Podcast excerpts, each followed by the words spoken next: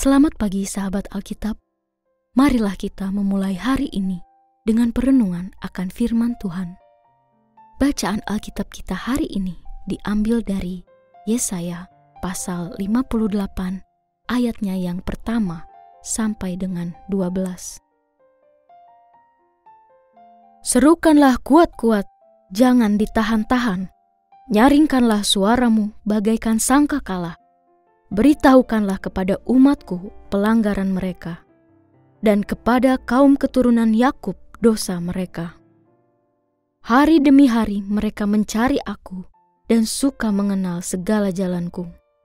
Seperti bangsa yang melakukan yang benar dan tidak meninggalkan hukum Allahnya. Mereka menanyakan hukum-hukum yang benar kepadaku. Mereka suka mendekat kepada Allah, katanya Mengapa kami berpuasa dan engkau tidak memperhatikannya? Mengapa kami merendahkan diri dan engkau tidak menghiraukannya? Sesungguhnya, pada hari puasamu, engkau masih sibuk dengan urusanmu, dan kamu menindas semua buruhmu.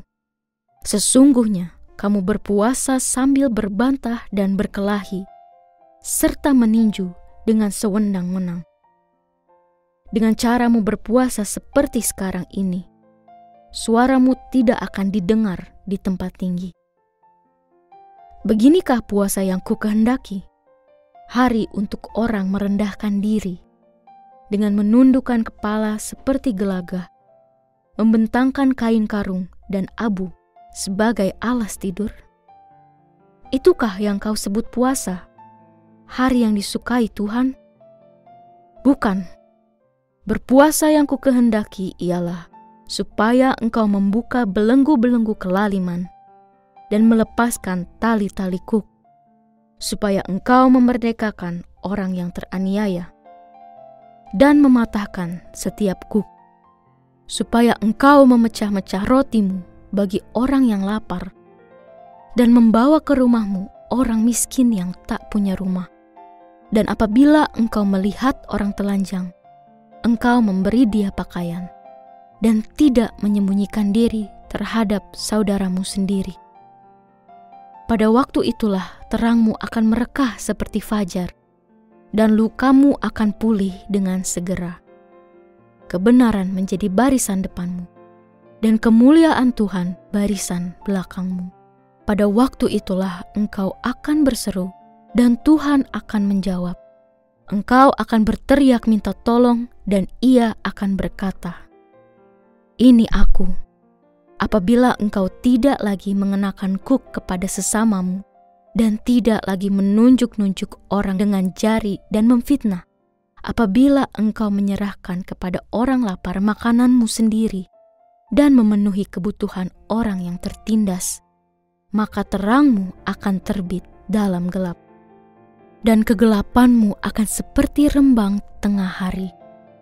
Tuhan akan menuntun engkau senantiasa dan memenuhi kebutuhanmu di tanah yang gersang, serta membarui kekuatanmu. Engkau akan seperti kebun yang diairi dengan baik, dan seperti mata air yang tidak pernah mengecewakan. Reruntuhan yang sudah berabad-abad akan kau bangun lagi dan dasar yang diletakkan oleh banyak keturunan akan kau perbaiki. Engkau akan disebut yang memperbaiki tembok yang bolong, yang memperbaiki jalan supaya seluruhnya layak huni. Sahabat Alkitab, kegelisahan iman yang sering muncul pada diri seorang percaya adalah dalam rupa pertanyaan-pertanyaan mengenai realitas yang tidak sesuai dengan ide atau harapan. Secara khusus, pada Yesaya 58 ini, kita mendapati sebuah kegelisahan pada diri umat Israel yang tidak berterima dengan kenyataan pengalaman iman mereka, yaitu ketaatan yang tidak sejalan dengan harapan. Lebih tepatnya lagi, mereka mempertanyakan sikap Tuhan yang sepertinya tidak mengindahkan upaya ketaatan yang telah mereka haturkan kepadanya. Apakah Anda juga pernah memiliki pengalaman yang serupa? Misalnya, ketika kita merasa sudah berusaha untuk menjadi seorang umat yang taat dengan melakukan banyak kewajiban ibadah, namun kita merasa tidak diperhatikan oleh Tuhan. Pertama, kita perlu memahami bahwa Tuhan selalu memperhatikan kita. Namun, kita juga perlu menyadari bahwa realitas hidup tidak akan berjalan seutuhnya sesuai dengan keinginan kita. Kedua, kita juga perlu memiliki kerendahan hati dan kesadaran diri untuk menilik setiap laku iman yang kita bangun sebagai umat Tuhan. Mengapa demikian? Kisah pengalaman bangsa Israel yang sudah hidup lama dalam pimpinan langsung dari Tuhan ternyata tidak secara otomatis diiringi dengan kualitas iman yang ideal. Maksudnya, memanglah benar bahwa seorang Israel mampu membangun ketaatan iman yang kental. Namun, ternyata ketaatan iman itu hanya berujung pada formalitas ritual, bukannya meresapi kesadaran, cara pandang, pemahaman, dan sikap hidup mereka sebagai manusia yang hidup dalam relasi iman bersama Tuhan. Alhasil, Tuhan memang melihat ketaatan tersebut, namun tidak merasakan ketulusan di dalamnya. Alhasil, ia pun tidak berkenan untuk menerima semua praktik hidup mereka. Inilah mengapa Tuhan mengutus nabi-nabi seperti Yesaya untuk menyuarakan suara pertobatan agar mereka mampu mengalami perubahan dan mengkalibrasi ulang orientasi hidup beriman mereka. Seruan pertobatan yang disampaikan oleh para nabi merupakan undangan bagi umat agar mendapatkan momen hidup beriman tersebut sebagai titik balik yang menghasilkan perubahan nyata. Teguran dari Tuhan adalah lugas dan tegas bahwa Ia tidak memandang kuantitas dan rutinitas tanpa celah melainkan kualitas dan dampak nyata dari iman yang dilatih oleh umatnya.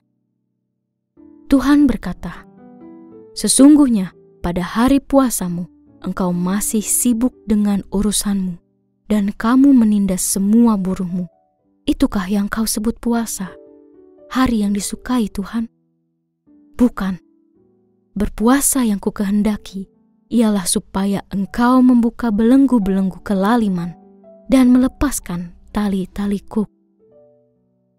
Sahabat Alkitab, marilah kita memasuki masa prapaskah ini dengan kesadaran iman untuk mendapatkan pertobatan. Inilah porsi upaya iman yang memang menjadi tanggung jawab kita sebagai manusia yang percaya kepada Tuhan. Kita tidak dapat menganggap bahwa segala rutinitas yang kita bangun dalam hidup beribadah adalah cukup tanpa disertai dengan kerendahan hati dan evaluasi yang nyata apakah perhatian serta orientasi iman kita masih terarah kepada sang kehidupan yang sejati itu atau justru sedang tertuju kepada diri sendiri. Ingatlah, pertobatan menjadi tanda keseriusan hidup beriman dari seseorang yang berusaha untuk mengalami relasi yang semakin intim bersama Tuhan dan memiliki kualitas iman yang asli sebagai umatnya. Mari kita berdoa. Tuhan Yesus yang baik, kami datang kepadamu dengan kerendahan hati. Terima kasih atas perhatianmu yang selalu ada pada kami. Maafkan kami yang terkadang merasa tidak diperhatikan dalam pengalaman iman kami. Bimbinglah kami untuk memahami bahwa hidup kami tidak selalu sesuai dengan keinginan kami, dan ajarkan kami untuk memiliki kerendahan hati dalam menilai kualitas iman kami. Kami menyadari bahwa kami membutuhkan pertobatan yang sejati untuk mengalami perubahan nyata dalam hidup beriman kami. Tolong bimbinglah kami ya Tuhan. Amin.